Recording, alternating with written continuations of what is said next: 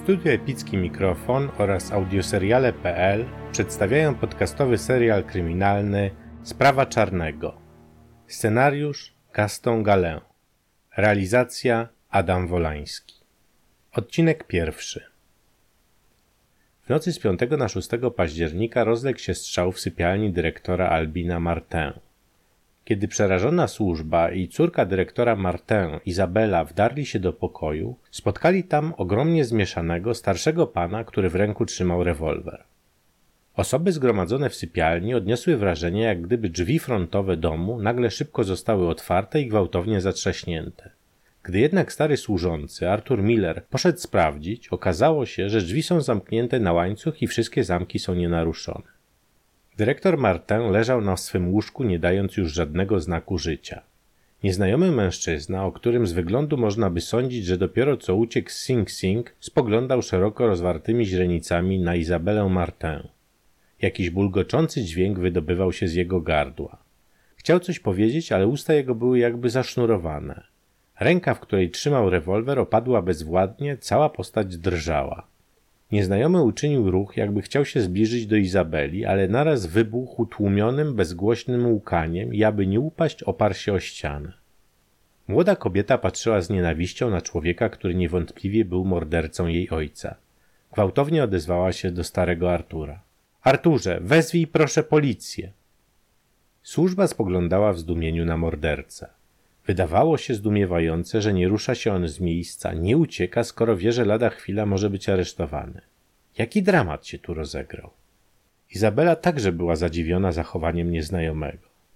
Było coś w jego spojrzeniu, co po prostu wbrew woli dziewczyny nasuwało jej pewność, że człowiek ten w żadnym razie nie jest mordercą. Skądinąd jednak pozory przemawiały przeciw niemu. Zastano go, obcego mężczyznę, w sypialni dyrektora. W ręku trzymał broń. Stał przy trupie swojej ofiary. Młoda dziewczyna odwróciła się od łóżka. Widok był dla niej zbyt straszny. Kula odkwiła w skronie i po twarzy zmarłego spływał strumień krwi. Matka Izabeli, Eugenia Martę, nie żyła od lat dwóch i od tego czasu dziewczyna sama prowadziła gospodarstwo. Teraz ręka mordercy zabrała jej także ojca. Jestem sama, sama, uparta myśl drążyła mózg dziewczyny. Nagle rozległ się głos dzwonka. To byli funkcjonariusze policji. Nieznajomemu oświadczono natychmiast, że jest aresztowany. Bez słowa protestu pozwolił sobie nałożyć kajdanki na ręce i tylko żałosnym wzrokiem spoglądał na Izabelę. To spojrzenie wywołało w dziewczynie przyspieszone bicie serca. Ku pewnemu zdumieniu urzędników policji nic nie zostało skradzione. W portfelu dyrektora Martin znajdował się plik banknotów stufrankowych. Ustalono natomiast z całą pewnością, że kula pochodziła z rewolweru nieznajomego.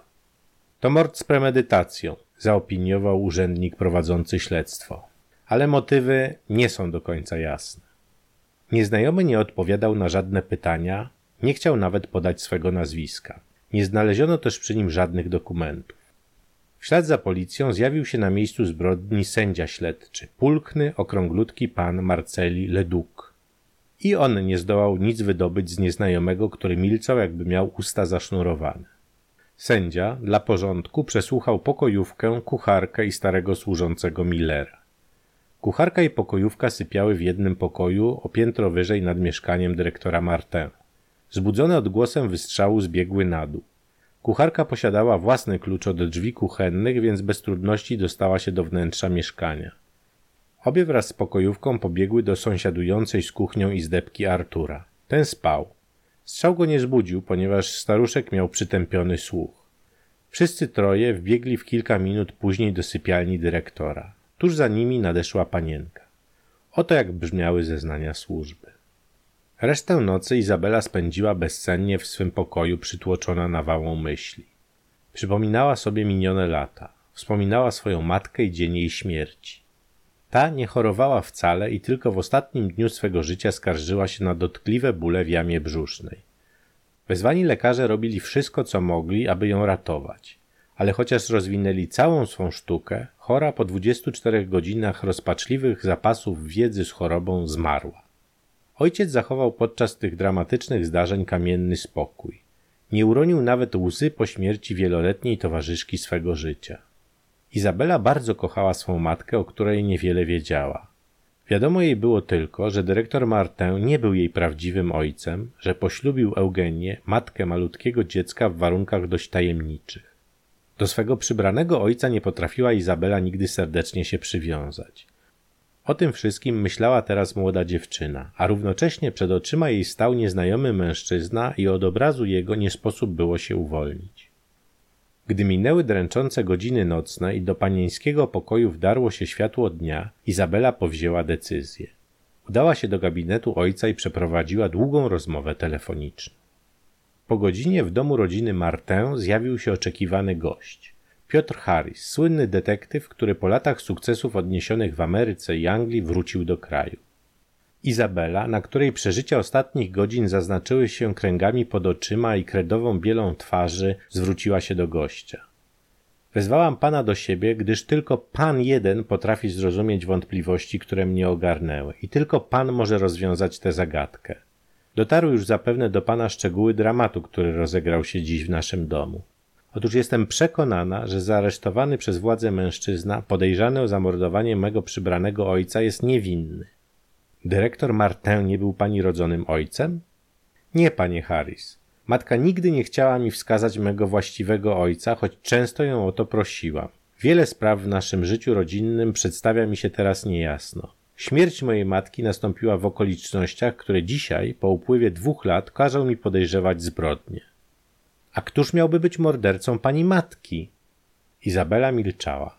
Dopiero po paru chwilach odezwała się. Trudno mi wypowiedzieć to podejrzenie, ale nęka mnie ono już od dłuższego czasu. Piotr Harris spojrzał Izabeli w oczy. Podejrzewa pani swojego przybranego ojca o zamordowanie żony? Tak, wykrzyknęła dziewczyna i załamała ręce. Jeżeli mężczyzna, którego aresztowano jako mordercę, zastrzelił go istotnie, to była to zemsta.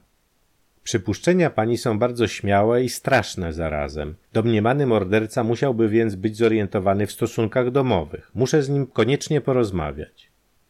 Ale on z pewnością nie jest mordercą. Nigdy w to nie uwierzę. Zawołała Izabela niemal histerycznie. Trudno o opinię na tym etapie sprawy. Piotr Harris starał się rzeczowym tonem pohamować pasję młodej dziewczyny. Zdarzenie to zaintrygowało mnie, ale mówić o nim będę mógł dopiero po skomunikowaniu się z aresztantem i dyskusji z sędzią śledczym. To, że nieznajomy aresztowany został z dymiącą bronią w ręku, nie będzie dowodziło niczego, jeżeli ustali się, że w tym samym czasie znajdował się ktoś jeszcze w pobliżu sypialni zamordowanego. Proszę mi wybaczyć, że z panią się już pożegnam, ale muszę działać. Trzeba wprowadzić światło w mroki tej zagadkowej afery. Broni pani oczywistego mordercy, natomiast oskarża pani o mord ojca. To nie są sprawy błahe, aby można było sobie z nimi dać radę w ciągu kwadransa.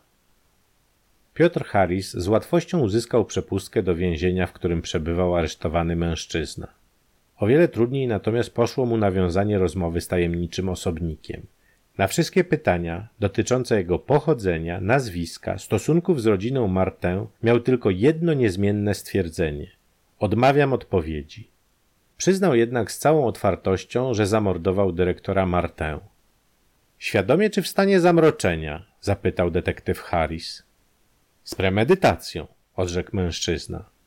Czy wie pan, że to wyznanie równa się dla pana wyrokowi śmierci?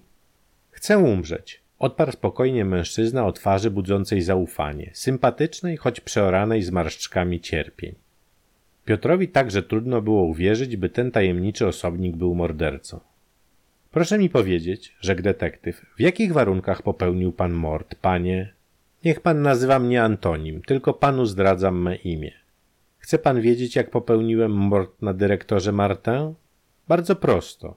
Zrobiłem sobie woskowy odcisk zamku w portalu, dorobiłem sobie kluczyk i wdarłem się nocą do domu Martenów z silną wolą zamordowania tego człowieka.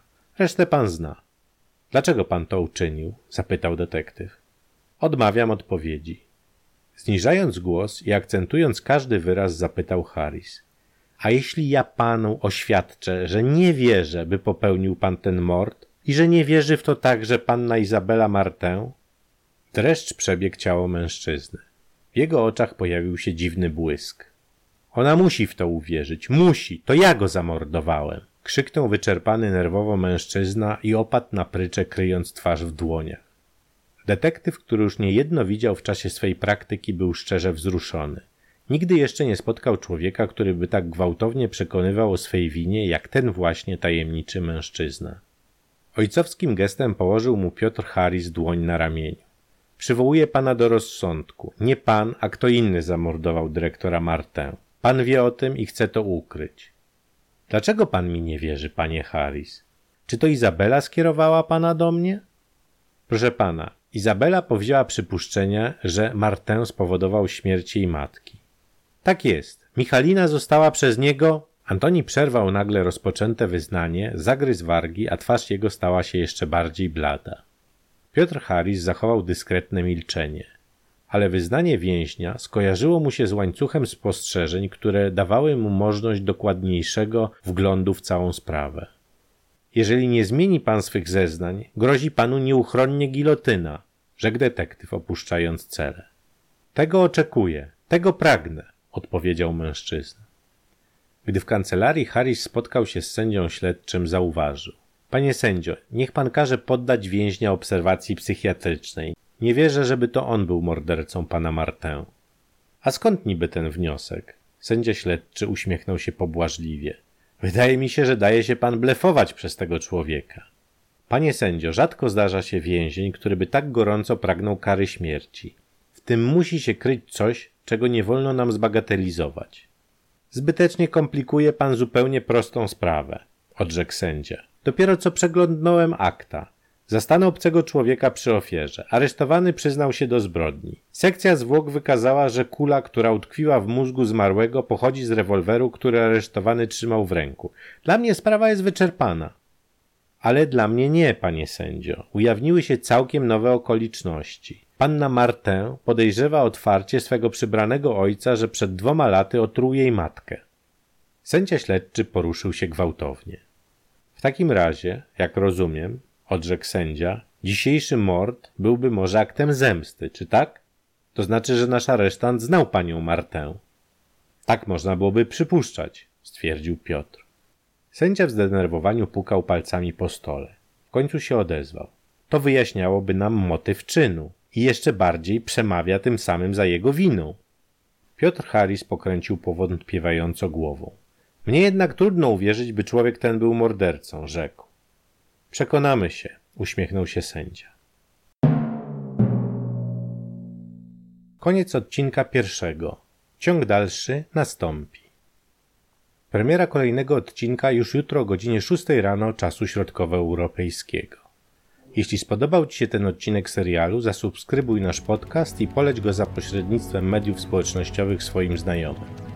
Zapraszamy też do wysłuchania naszych shortcastów fabularnych w kanale Szybka Akcja. Do usłyszenia.